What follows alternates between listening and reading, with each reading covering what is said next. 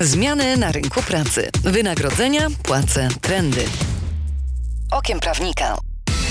Zaprasza Oskar Sobolewski z HRK Payroll Consulting. Dzień dobry. Zapraszam Was na kolejny odcinek e, podcastu. Znowu rozmawiamy o nowelizacji kodeksu pracy. Rok 23 niewątpliwie jest tym, który z dużymi przekrojowymi nowelizacjami kodeksu pracy będzie nam się kojarzył. Na początku badanie trzeźwości weszło w życie już w lutym, później na początku kwietnia praca zdalna została na stałe wpisana do treści kodeksu pracy, a następnie polski rząd w końcu doprowadził do implementacji przepisów unijnych e, dotyczących m.in. dyrektywy Work-Life Balance i właśnie na tym trzecim elemencie, na tej trzeciej nowelizacji kodeksu pracy wydaje mi się najbardziej rozbudowanej, biorąc pod uwagę wątki, jakie porusza, chciałbym się dzisiaj e, skupić, a ten odcinek, podobnie jak e, odcinek dotyczący badania trzeźwości, nie będzie odcinkiem solowym, tylko do rozmowy o zmianach w kodeksie pracy zaprosiłem gościnie Katarzynę Katarzynę Łodygowską, prawniczkę, absolwentkę WPIA Uniwersytetu Warszawskiego, która specjalizuje się w prawie pracy, prowadzi doradztwo prawne dla kobiet w ciąży i matek, które powracają na rynek pracy po okresie urlopów związanych z macierzyństwem, co też y, dobrze nam będzie korespondowało z tematem dzisiejszego odcinka. Prowadzi szkolenia i webinaria dla firm, a na Instagramie możecie ją kojarzyć jako matkę prawnik. Cześć Kasiu, cieszę się, że przyjęłaś moje zaproszenie.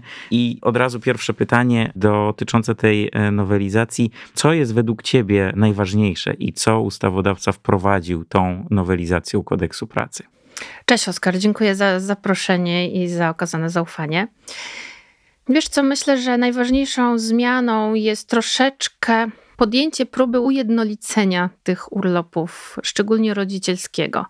Zmianą przepisów doprowadzono do tego, że nie przepada już nam żadna część tego urlopu i faktycznie troszeczkę uwolniono konieczność korzystania z nich na rzecz podjęcia przez rodziców decyzji. Czyli mam wrażenie, że będzie większa swoboda w podejmowaniu decyzji, jak zajmować się dzieckiem w czasie tych urlopów. Bo to, że zwiększono te limity, to wprawdzie wprowadza chaos troszeczkę, bo poszła taka retoryka, że te dziewięć dodatkowych tygodni jest tylko i wyłącznie dla ojca. Absolutnie nie. To jest dla drugiego rodzica. Mm, więc tak powinniśmy formułować tą zmianę. Więc myślę, że to jest taka największa zaleta wprowadzonych przepisów, jeśli chodzi o urlop rodzicielski. A jeszcze zanim przejdziemy do e, szczegółów tej e, nowelizacji, uważasz, że ona jest dobra, zła, mogłaby być lepsza? Pewnie lepsza mogłaby być zawsze. Natomiast e, czy ona jest dobra? Czy Polska się w dobry sposób wywiązała z tego, co Unia nałożyła na nas dyrektywami, które są implementowane? Nie jestem zadowolona do końca, z tego względu, że mam takie poczucie, że dopóki również mężczyźni nie będą mieli obowiązkowych urlopów związanych z rodzicielstwem, dopóty zarówno luka płacowa pozostanie dłużej z nami niż jest prognozowane. Znaczy wiesz, to są naczynia połączone. Dopóki nie zmienimy myślenia na temat opieki nad dzieckiem, no to najdoskonalsze przepisy w niczym nie pomogą. A statystyki nadal pokazują, że ojcowie niechętnie e, wykorzystują swoje uprawnienia. W trakcie też prac nad tą nowelizacją Ministerstwo Rodziny wskazywało, że niewielki procent e, ojców w ogóle wykorzystuje ten dwutygodniowy. Który... Jeden z kawałkiem, tak? Tak, tak, tak, tak, tak. Mhm. Także tutaj widać, że no przepisy przepisami, ale te zasady i te takie chyba od wielu lat funkcjonujące stereotypy chyba nadal są z nami niestety na stałe jeszcze. Mają się dobrze, tak. na pewno. Bo przecież urlop rodzicielski jest absolutnie do podziału pomiędzy dwóch rodziców. Obojga mogą się tym podzielić i tak jest od 2016 co najmniej. No bo wtedy była ta duża zmiana tych urlopów rodzicielskich. No te ostatnie lata pokazały, że w ogóle to, to się nie sprawdziło i nadal tkwimy w takiej rzeczywistości, że to kobieta opiekuje się tylko i wyłącznie dzieckiem. Zwiększenie tego limitu urlopu rodzicielskiego nie sądzę, żeby spowodowało większy odsetek wykorzystywania tego przez ojców, no bo nadal zostanie taki typowy, typowy schemat wykorzystywania tych urlopów, czyli po narodzinach dziecka 20 tygodni. Mama idzie na urlop macierzyński, później 32 tygodnie wybiera, bo tyle może maksymalnie jeden rodzic wybrać. Urlopu rodzicielskiego, no i ta reszta, czyli właśnie te 9 tygodni, jest wtedy w takiej konfiguracji dla ojca, ale może być też sytuacja odwrotna, czyli 32 wykorzystuje e, ojciec. ojciec, a wtedy 9 jest dla matki. Zmiana, myślę, że dobra, i dopiero wiesz, niedawno dostrzegłam potencjał w wykorzystaniu przez ojców troszeczkę z tego limitu 9 e, tygodni, bo będzie można to wykorzystać tak naprawdę zaraz po narodzinach dziecka. Bo rodzice, to wiem z konsultacji z social mediów, szukają najczęściej zaraz po narodzinach dziecka sposobu, żeby w tym okresie, szczególnie przy pierwszym, żeby pozostać w domu, wiesz, razem, ra, razem jak najdłużej. I teraz mamy dwutygodniowy ojcowski no, zmienia się jego długość e, wykorzystania. Tak, znaczy, z 24 na 12 miesięcy maksymalnie. Tak, tak, do pierwszych narodzin. Więc raczej będą panowie wybierać faktycznie zaraz po narodzinach, ale jak usłyszą, że mogą te 9 tygodni sobie podzielić na część, czyli nie muszą ciurkiem wybierać tych 9 tygodni. Mogą to podzielić na części, bo w ogóle te 41 tygodni można podzielić na 5. Tak. No więc to już wygląda inaczej. Nie musimy znikać na 9 pełnych tygodni, tylko na przykład na dwa, czyli dwa tygodnie ojcowskiego, dwa tygodnie rodzicielskiego. I mamy miesiąc i jesteśmy... Mamy miesiąc, bo do tej pory, wiesz, bardzo dużo rodziców y, próbuje skorzystać z tak zwanej opieki na osobę bliską, czyli tata bierze opiekę na mamę po porodzie, czyli takie zwolnienie na mamę. Idziemy do lekarza mamy i mhm. wypisujemy tacie zwolnienie. zwolnienie na nią. Natomiast problem polega na tym, że to lekarz musi widzieć wskazania do opieki nad nią, więc spokojnie po prostu może tych, tych wskazań nie być. Tym bardziej, jeśli wypuszczamy mamę ze szpitala do domu, no to najczęściej jest zdrowa. No tak, bo jeżeli jest szpitalny, no to wiadomo, że wtedy ta sytuacja jest inna, jakby tak bardziej e, łatwo tak. jest uzyskać tego tak, rodzaju zwolnienie. Tak. O ile e, nawet wiesz, e, cięcie cesarskie nie będzie samo cięcie wskazaniem do wypisania opieki, więc tutaj bardzo często rodzice się denerwują. Więc mam wrażenie, że można by skorzystać z tego narzędzia teraz, nie? Okay, to jakby przechodząc już bardziej do szczegółów, czyli tego, co się pojawiło w e, przepisach, jakbyś mogła e, jeszcze raz e, wskazać jakby tę zmianę, czyli te dodatkowe 9 tygodni.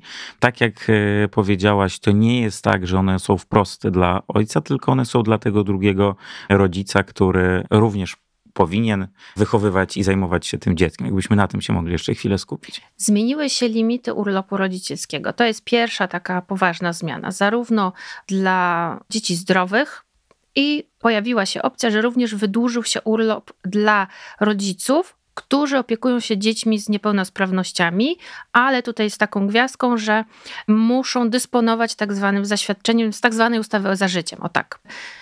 Więc to jest jedna zmiana, myślę, że taka główna, najpoważniejsza. Kolejna zmiana polega e, na I tym... I w liczbach to jest 9 tygodni, jeżeli chodzi o rodzicielski tego dziecka, które jakby nie podlega pod ustawę za życiem. Bardzo wielu rodziców zastanawia się, co z okresem tym tak zwanym właśnie przejściowym, czyli pomiędzy 2 sierpnia a nowelizacją, ja tylko uzupełnię, 2 mhm. sierpnia wziął się z tego, że Polska powinna do 2 sierpnia wdrożyć te przepisy. Tego się nie udało zrobić w terminie i dopiero 26 kwietnia to jest dzień, kiedy te przepisy obowiązują. To jest ten moment, kiedy te przepisy funkcjonują, dlatego mamy ten okres między 2 sierpnia a 26 kwietnia, 2 sierpnia 22. Tak. No i to wzięło się stąd y, ta poprawka, ponieważ rodzice dzieci, które w tamtym momencie były na urlopie rodzicielskim, czuli się poszkodowani po prostu, że te 9 tygodni już ich nie obejmie, więc ku zaskoczeniu wszystkich ta poprawka przeszła. Tak, bo ona e, pierwotnie w Sejmie przepadła, tak. później pojawiła się w Senacie i na tym etapie senackim już ministerstwo powiedziało OK dla tej poprawki. Tak. I teraz patrzymy tak naprawdę, czy w tym okresie przejściowym, o którym wspomniałeś, przysługiwał rodzicom jakiś urlop, tak? Czyli mogła być sytuacja, że w dniu 2 sierpnia ktoś był na tym urlopie, albo ojciec, albo matka, rodzicielskim. Bo dziecko na przykład urodziło się na początku roku 22.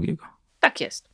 Mogłaby być też sytuacja, gdzie na dzień 2 sierpnia albo później, siłą rzeczy, przysługiwał jakiś, jakaś część tego urlopu, bo urlop nie musiał być wybrany w całości wcześniej, tylko mógł na przykład być wybrany 16 tygodni po urlopie macierzyńskim i te 16 sobie wisiało i nadal wisi.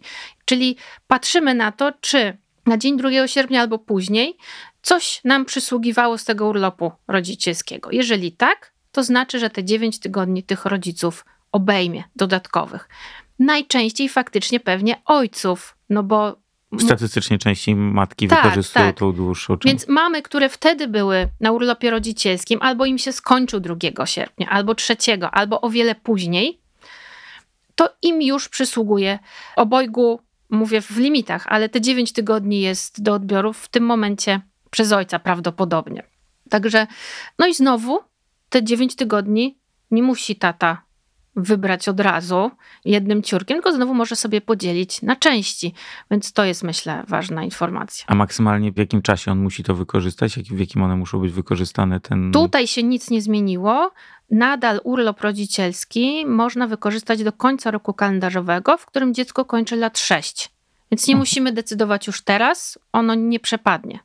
Dlatego w teorii no, dotyczy to też starszych o wiele dzieci. Chociaż pewnie ta grupa rodziców jest najmniej liczna, podejrzewam. No co do zasady, jakby ta praktyka jest też taka, że domyślam się, jakby już nie operując teraz jakimiś danymi szczegółowymi, no ale w większości on jest wykorzystywany raczej bliżej narodzin dziecka niż tak. szóstych urodzin tak, e, tak, dziecka. Tak, ale zdarza się. Zdarza to prawda. Się. Czyli jakby te przepisy przejściowe są dobre i dobrze, że ustawodawca zdecydował się finalnie na ich e, wprowadzenie, no bo ta dość duża grupa byłaby pokrzywdzona, pomimo tego, że liczba urodzeń z miesiąca na miesiąc cały czas w Polsce spada. Tak. E, rok 22 był rekordowy pod względem niskiej liczby urodzeń, no ale nadal tym bardziej rząd i rządzący powinni zachęcać do tego również tego rodzaju przepisami, żeby się na te dzieci decydować, szczególnie jak mówią, że Polki, Polacy powinni się decydować na, na macierzyństwo, na tacierzyństwo, na rodzicielstwo. No ja bym jednak zostawiła decyzję rodzicom, czy w ogóle ludziom, czy chcą e, iść w tym kierunku. Natomiast y, wiesz, jeżeli chcemy kogokolwiek zachęcać, to zmieńmy te przepisy na takie, żeby zwykła osoba y, sięgała do kodeksu pracy i rozumiała, co czyta. A nadal myślę, nikt niczego po prostu nie rozumie. Przecież my, prawnicy, musimy sobie, szczególnie te przepisy przejściowe, spędzić kilka dni, żeby sobie rozpisać, zrozumieć, przyswoić na swoich własnych przykładach. Więc co dopiero zwykły przysłowiowy Kowalski. Jeżeli chodzi jeszcze o formalności związane z urlopem mm, rodzicielskim, czy tutaj na coś powinniśmy zwracać uwagę, jeżeli chodzi o to, kiedy składamy wniosek?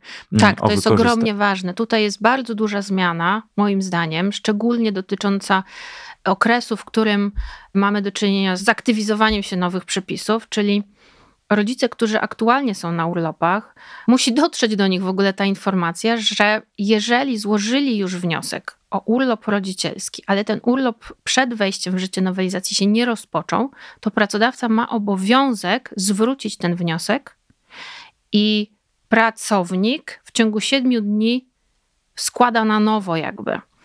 Jeżeli tego nie zrobi, bo może być taka sytuacja, że na przykład bardzo prawdopodobna. Wystarczy, że pracownik kadr nie zrobi, że tak powiem, nic więcej poza odesłaniem na adres, który ma w faktach. Nie skontaktuje się czy mailowo, czy telefonicznie, a nas pod tym adresem nie ma. I teraz, jeżeli tego wniosku nie odeślemy, to idziemy, że tak powiem, starym torem, jeśli chodzi o wysokość procentową zasiłku macierzyńskiego. Czyli mamy do czynienia z, po pierwsze z taką sytuacją, że jeżeli urlop nasz nie rozpoczął się przed dniem wejścia w życie nowelizacji, to pracodawca ma obowiązek zwrócić nam wniosek o rodzicielski, mhm. tak, niezwłocznie.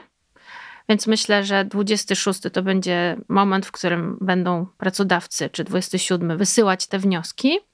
I teraz my mamy obowiązek w ciągu 7 dni to odesłać. Czyli znowu krótki termin. Króciutki. I teraz to samo świadczy o tym, że pracodawca nam podwyższy ten zasiłek w związku z tym, że też wysokość procentowa się zmienia, do z 80 na 81,5% podstawy wymiaru zasiłku.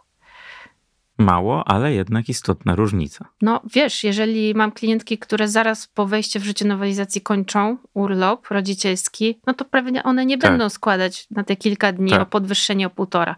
Ale jeśli dopiero ktoś ma przed sobą cały urlop, no to już może to robić dużą różnicę.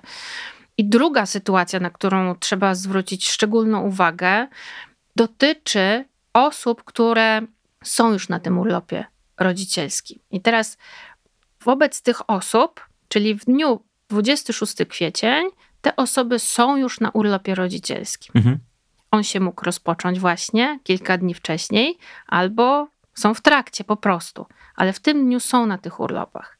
I teraz tutaj pracodawca nie ma obowiązku informowania pracownika, że w ciągu 21 dni, licząc od 26 kwietnia, czyli wychodzi nam do 17 maja, pracownik ma prawo złożyć taki wniosek, może być napisany własnymi słowami.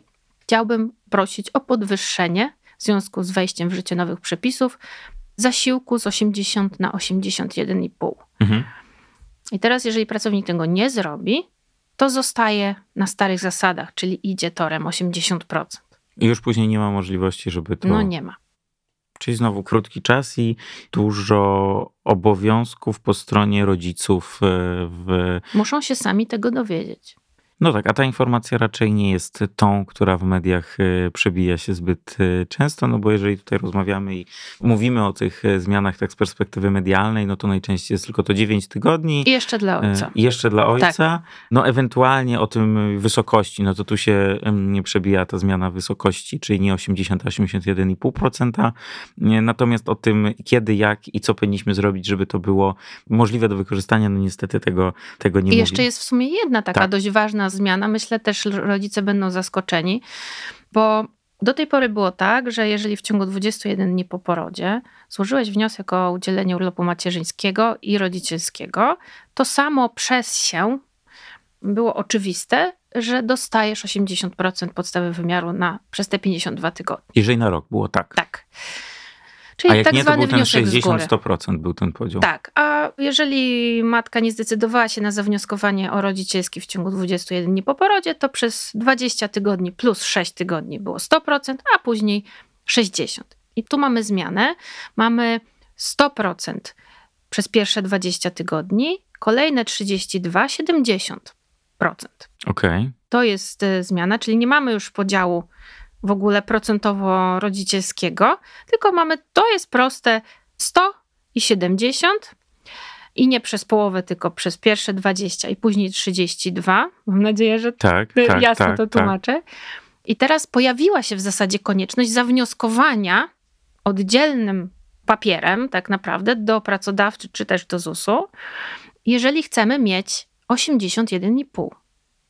Czyli zdecydowali rodzice 52 tygodnie bierze mama, to żeby ona miała przez te 52 nie 100 i 70, a 81,5, to Mhm. w ciągu 21 dni po porodzie nie składa o urlop rodzicielski, tylko prośba o wypłatę zasiłku w tej wysokości właśnie, czyli 81,5. I tego się oczywiście z kodeksu pracy nie dowiesz. No tak, bo to już nie jest bezpośrednio Tak. w kodeksie pracy. I tylko jak rodzic ma się zorientować? I teraz kolejny myk, że tak powiem. Czyli tę decyzję o pójściu na rodzicielski możesz sobie odłożyć, bo już ci nic nigdy nie przepadnie, jak, jak weźmiesz później, czy bezpośrednio po 20 nie wykorzystasz. To jest dobra zmiana. Ale znowu z kodeksu pracy nie dowiesz się, że jeżeli w ciągu pierwszego roku życia dziecka Mhm.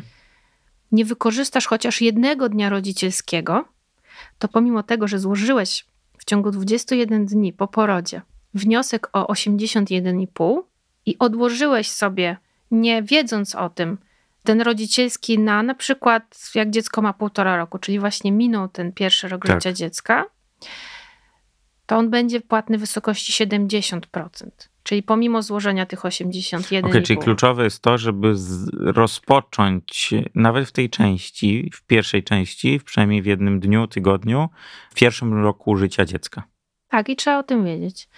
Bo, no mówię, ten urlop rodzicielski można podzielić na pięć części, więc można to sobie tak zorganizować. Tak, i one nie muszą być równe, tylko można sobie Tak. je, y, można wziąć ten tydzień na przykład i później na przykład sobie... Więcej, to nie musi być wielokrotność tygodnia, tak jak do tej pory. To może być na przykład 15 dni Okej, i już. okej, czyli tutaj nawet jest do tego, Tak. do tego stopnia. E, jak przesunęliśmy, nie wiedząc o tym, że jak wykorzystamy ten rodzicielski po pierwszych narodzinach czy później, to spadnie ten zasiłek do 70%, to też przysługuje nam wyrównanie z kolei za te 20 tygodni, co wzięliśmy 81,5.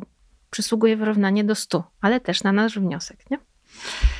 Dużo wniosków się pojawi w, Tak. tej, e, w tej sytuacji. Ustawodawca, a wniosek papierowy czy wniosek elektroniczny też może być? Czy ustawodawca w tym aspekcie się nie wypowiada? Na i całe szczęście można, e, nowelizacja wprowadza, jak wiesz, elektroniczną możliwość i tu Ministerstwo Cyfryzacji, z tego co wiem, wypowiedziało się, że nie chodzi o podpis kwalifikowany, jak niektórzy tutaj próbują się dopatrzeć. Wystarczy zwykła forma elektroniczna na jakiegokolwiek maila. Myślę, że warto, żeby pracodawcy też to uregulowali w ogóle w regulaminach wewnętrznych, żeby pracownik wiedział, na jakiego maila ma składać wnioski. Chyba, że są firmy, które oczywiście mają takie wewnętrzne systemy całe, ale jeśli nie ma, a myślę, że takich jest większość, to warto, żeby to wskazać pracownikom. No, szczególnie mniejsze podmioty, które jakby no, Tak. nie opłaca im się też takich systemów przygotowywać, jeżeli zatrudniają Tak. kilka, kilkanaście osób. Kilka słów jeszcze o rodzicach dzieci w związku z tą ustawą za życiem. Czy tam jeszcze na coś powinniśmy zwrócić uwagę? Czy tutaj są jeszcze jakieś e, kruczki, terminy, o których powinniśmy pamiętać? Czy, czy raczej to w miarę analogicznie się stosuje? Wszystko jest identycznie, tylko nie można o tych rodzicach po prostu zapominać, żeby ich też informować. Słuchajcie, u was nie jest 9 tygodni, ale więcej. Ci rodzice tak czy siak dysponują takim zaświadczeniem, więc nie będą musieli wracać do lekarza i, i brać takiego zaświadczenia, bo z kolei było potrzebne to zaświadczenie do innych świadczeń związanych e, z tą sytuacją, więc ci rodzice i tak tym zaświadczeniem dysponują, więc mogą jak najbardziej złożyć taki urlop i tutaj już jest wymagane do wniosku dołączenie takiego zaświadczenia. Okej, czyli to już pewnie bardziej papierowo będzie stosowane. No ewentualnie jakiś, czy skan też by Skan też myślę Okej. wystarczy, tak, tak, tak, jak najbardziej. I jeszcze jeżeli chodzi o kwestię rodziców e, adopcyjnych, e, czy tutaj też mamy jakieś e, różnice, które się pojawiły w ostatnim czasie? Przy rodzicach adopcyjnych też są zwiększone limity. Okej, czyli Tak. jakby więcej. e, No to jest oczywiście jakby Tak. też sytuacja mniej popularna, natomiast no oczywiście e, tacy rodzice też e, są. Te procesy trwają, także tutaj też ważna informacja i ważny sygnał, że sytuacja rodziców adopcyjnych również uległa, uległa zmianie. Powoli jakby kończymy temat dotyczący tych uprawnień rodzicielskich. Jeszcze o kilku innych aspektach z tej nowelizacji chciałbym porozmawiać. W pierwszej kolejności na tapet wziąłbym urlop e, opiekuńczy, czyli nowe świadczenie, nowa absencja tak naprawdę dla pracowników, już nie tylko rodziców, bo tutaj ten krąg e, osób, na kogo możemy wziąć takie wolne, a w zasadzie z czyjego powodu nie możemy wziąć wolne jest szerszy. Dla kogo ten urlop opiekuńczy ustawodawca przygotował? Celem tego urlopu ma być zapewnienie osobistej opieki dziecku albo innemu członkowi rodziny i tutaj to, co jest ważne, pozostającym we wspólnym gospodarstwie domowym.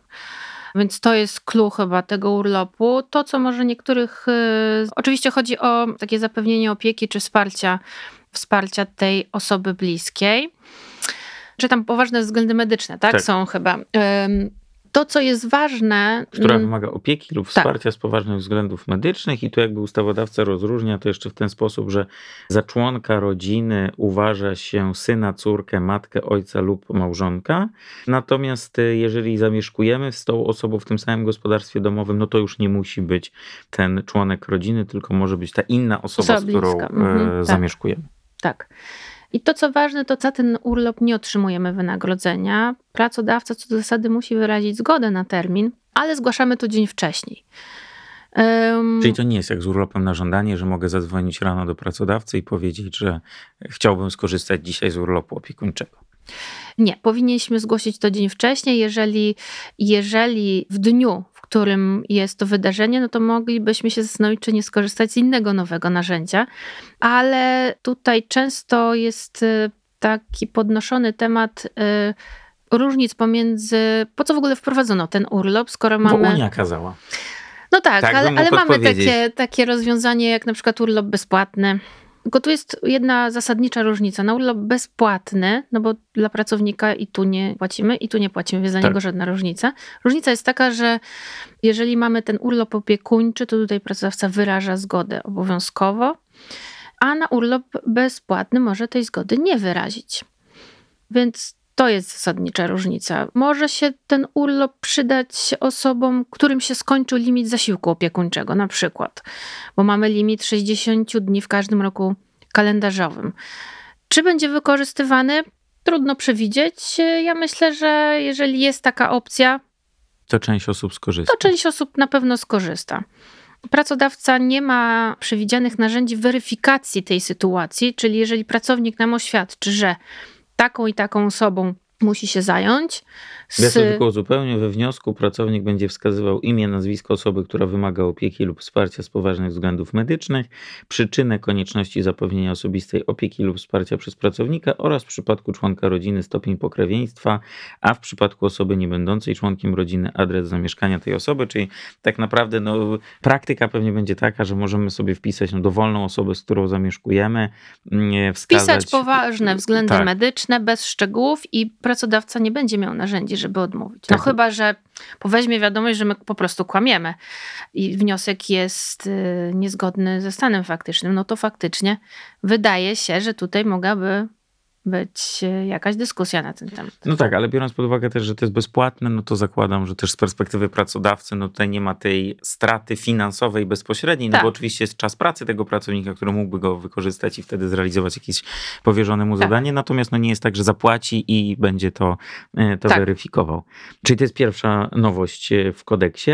Natomiast druga nowość w kodeksie w trochę niższym wymiarze, bowiem dwóch dni bądź 16 godzin, czyli zwolnienie zwolnienie ze względu na siłę wyższą, czyli druga nowość, i to jest ta różnica, o której już trochę wspomniałaś, czyli kwestia odpłatności, urlop opiekuńczy, czyli ten pięciodniowy bezpłatny, a zwolnienie ze względu na siłę wyższą 50% odpłatność. Tak jest. No i tutaj jest analogiczna sytuacja. Nasze oświadczenie wystarczy pracodawcy, że z powodu siły wyższej chcemy wybrać się albo dzień, albo zastępujemy to, bo możemy wybrać czy dwa dni, czy 16 godzin. W roku kalendarzowym. Tak, w roku kalendarzowym. No i chodzi o poważne sprawy rodzinne spowodowane chorobą lub wypadkiem. No i czyli ta obecność pracownika jest niezbędna z powodu właśnie takiej siły wyższej. No i tutaj też tak naprawdę nie ma żadnych dodatkowych narzędzi pracodawca, żeby weryfikować to, co żeśmy oświadczyli. No i to jest ta różnica, że z tego możemy skorzystać trochę jak z urlopu na żądanie, no bo możemy w dniu, e, tak. kiedy, kiedy to nagłe zdarzenie się wydarzy, no bo też jakby ta specyficzna różnica jest taka, no jeżeli to jest siła wyższa, nagłe zdarzenie, no to trudno, żebyśmy na przykład z tygodniowym wyprzedzeniem wiedzieli, że gdzieś będzie pożar, e, no tak. bo taka sytuacja e, byłaby tutaj się kwalifikowała. Natomiast no, w praktyce to pewnie będzie częściej wykorzystywane, no bo jest ta odpłatność, Natomiast z drugiej strony no jest mniej tych dni, bo dwa albo tylko 16 godzin. Także tutaj zakładam, no, że. Prędzej, prędzej już to będzie wykorzystywane prawdopodobnie, ale cztery dni w każdym roku kalendarzowym jest tego urlopu na żądanie. Tak. Tylko, że tu zachowujemy pełną. Pełne, tak, prawo do wynagrodzenia. No tutaj jest te 50%, więc niektórych może to faktycznie zniechęcać. Czyli znając kolejność i takie życiowe podejście, najpierw wykorzystamy urlop na żądanie, tak. jak już nie będziemy mieli czterech dni, no to zdecydujemy się na siłę wyższą. No to oczekuję od ciebie statystyk podania za, no za jeszcze, jakiś czas. Jeszcze, jeszcze ich nie ma, natomiast no zakładam, że tak to się będzie działo. I tutaj jeszcze ważna informacja, czyli kwestia tego, czy chcemy w dniach czy w godzinach to wykorzystywać, to pierwszy wniosek w roku kalendarzowym, który składamy, pracownik wtedy zdecyduje, czy chce w tym wymiarze tak. E, godzin godzinowym, czy chcę tym w wymiarze dni i tak to będzie w praktyce wyglądało. Ustawodawca zmienił również jeszcze kwestie dotyczące umowy na okres e, próbny i umowy na czas e, określony. To są te takie dwie dość e, istotne zmiany. O tych umowach na okres próbny, jakbyś mogła jeszcze chwilę i kilka informacji nam przekazać, co tam się zmienia. Istotna zmiana dotyczy kobiet w ciąży. Do tej pory było tak, że jeżeli mieliśmy umowę na okres próbny, która nie przekraczała jednego miesiąca, to można było tą umowę po prostu wypowiedzieć. W tym momencie. Czyli było założenie takie, że kobieta wiedziała i ją zawierała? Jakby to, to chodziło znaczy, o to, to żeby po, tego Nie powinno być to przyczyną, mhm. różnie bywa. Natomiast ym, znaczy to jest kosmetyczna dla mnie zmiana, tak naprawdę, bo i tak umowa na okres próbny, która nie przekracza jednego miesiąca, i tak bez względu na wiek tej ciąży, ona nie przedłuży się do dnia porodu z mocy przepisów. Dopiero umowa na okres próbny, która jest dłużej niż na jeden miesiąc, no to ta, jeśli w dniu zakończenia kobieta będzie po trzecim miesiącu, przedłuży się z mocy prawa do dnia porodu. Natomiast tu jest takie uporządkowanie, myślę, tej ochrony związanej z, ze stanem ciąży, że bez względu na rodzaj umowy, ta umowa faktycznie była takim wyjątkiem, że nie do, wystarczyło, że próbny nie przekraczała jednego miesiąca i, i już tą umowę mogliśmy za chwilę po podpisaniu zakończyć. Hmm, czy ta Dobra ochrona zmiana, coś. Czy... Znaczy, wiesz, to dla mnie kosmetyczna, bo i tak niewiele to. Bo to jest krócej niż miesiąc. Tak. No więc to jest kosmetyczna dla mnie zmiana, ale uporządkowująca w sposób znaczny ochronę generalnie związaną z ciążą. To to jest słuszna poprawka. I jeszcze jedna taka zmiana, która tam się pojawiła, czyli umowę na okres próbny zawiera się na okres nieprzekraczający jednego miesiąca w przypadku zamiaru zawarcia umowy o pracę na czas określony krótszy niż 6 miesięcy lub dwóch miesięcy w przypadku zamiaru zawarcia umowy na czas określony między 6 a 12 miesięcy, na powyżej 12 miesięcy, no to już może być na 3 miesiące zawierana. Także taka... Tak, chodzi o tą proporcjonalność. No, część pracodawców nie jest zachwycona, że ma narzucone takie, ale chodzi o proporcjonalność. Myślę, że ma to gdzieś tam uzasadnienie i sens. Chociaż czasami pracodawcy na przykład nie wiedzą też jeszcze, jaki mają zamiar. W, w to tym. prawda, no. No i tutaj czasami ten okres próbny dopiero nam weryfikuje ten zamiar przyszły tak. i tu się pojawia pewien problem. A jeżeli chodzi o umowy na czas określony i te kwestie uzasadniania wypowiedzenia, czyli trochę zrównanie tych zasad z, z umową na czas nieokreślony, no bo dzisiaj przed zmianą przepisów w kodeksie pracy, jeżeli zawieraliśmy umowę na czas określony, to ona, jej rozwiązanie nie wymagało uzasadnienia, a teraz ta zmiana się pojawia. To dobry kierunek? E, punkt widzenia zależy od punktu siedzenia. E, patrząc od strony pracownika, jest to dobra zmiana, bo wystarczy, że, że masz od czego się tak naprawdę odwołać. Bo to chyba do tego się sprowadza. Poznasz przyczynę. A z drugiej strony, może faktycznie narzuci na pracodawców e, taki obowiązek przemyślenia po prostu tej sytuacji. Ja mam, wiesz, jako osoba, która obsługuje klientów indywidualnych, no to widzę te absurdalne wypowiedzenia. Ciężko mi przewidzieć. Potrafię mieć wypowiedzenie, wiesz, umowy na czas nieokreślony z powodu niezgodności charakteru z przełożonym. Kropka. Ale myślę, że to też wpłynie na to, że pracodawcy będą częściej zawierali umowę na czas nieokreślony, w związku z tym, że muszą i tak uzasadniać rozwiązanie? Nie, zdecydowanie nie. Czy jakby w tym kierunku nie, raczej nie? Nie, nie widzę tego. Okay. Nie. Ostatni temat, który jeszcze chciałem w związku z tą nowelizacją, czyli te nowe uprawnienia dla rodziców y, w związku z tym podniesieniem granicy wieku dziecka. Część rodziców y, może na niektóre rzeczy się nie godzić, jeżeli ten wiek dziecka wcześniej to były 4 lata, teraz to jest 8, 8 lat. Jakbyś mogła jeszcze o tym trochę powiedzieć. Tak, podwyższył się wiek dziecka, na które możemy nie wyrazić na przykład zgody na pracę w porze nocnej, czyli zostały te wszystkie nadgodziny, możemy nie nie wyrazić zgody. To wszystko zostało, tylko podniesiono wiek dziecka z 4 do 8, chociaż zrobili wyłączenie, jeśli chodzi o niektóre systemy czasu pracy. Ale i tak myślę, że ci rodzice nie korzystali akurat y, z pracy w takich systemach, jakich zrobiono wyjątki, więc y, myślę, że połączenie pracy zdalnej, konieczność udzielenia rodzicowi na jego wniosek, plus te uprawnienia, nie zachęcają pracodawców do zatrudniania rodziców. Zresztą już mamy pierwsze takie bardzo duże problemy.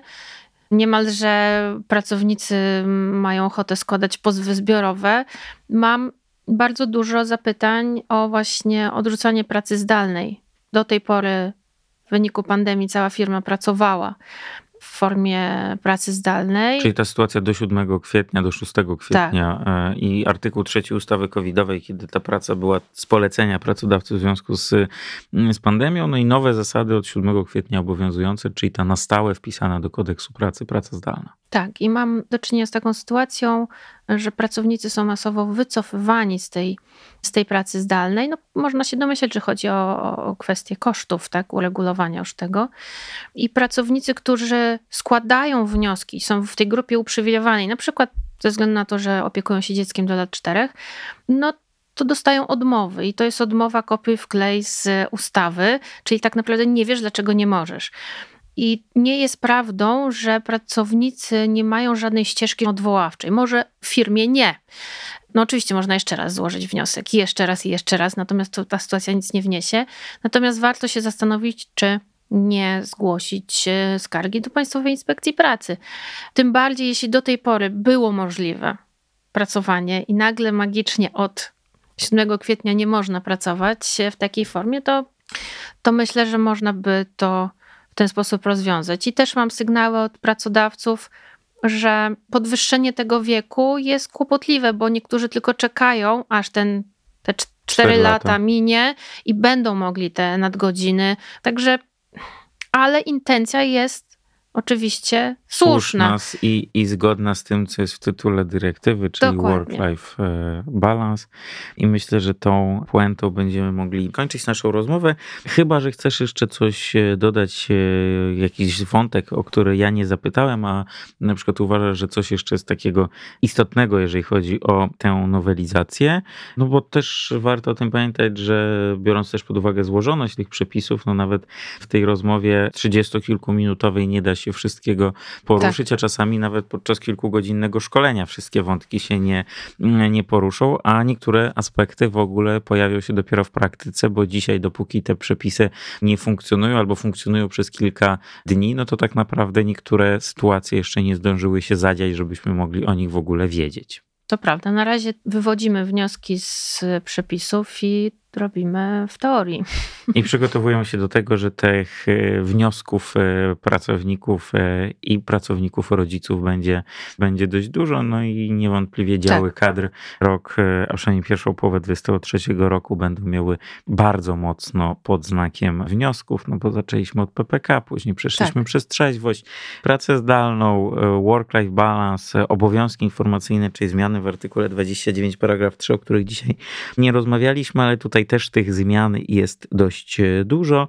Moją gościnią była dzisiaj Katarzyna Łodygowska, czyli znana na Instagramie jako matka prawnik, prawniczka, która przybliżała nam najważniejsze zmiany nowelizacji kodeksu pracy, te z perspektywy rodzica, ale nie tylko. Bardzo Ci dziękuję za dzisiejszą rozmowę. Dziękuję. Wysłuchałeś podcastu Rynek Pracy Okiem Prawnika. Dziękujemy, że jesteś z nami. Aby być na bieżąco, zapraszamy na profil HRK na LinkedInie i na www.hrk.pl.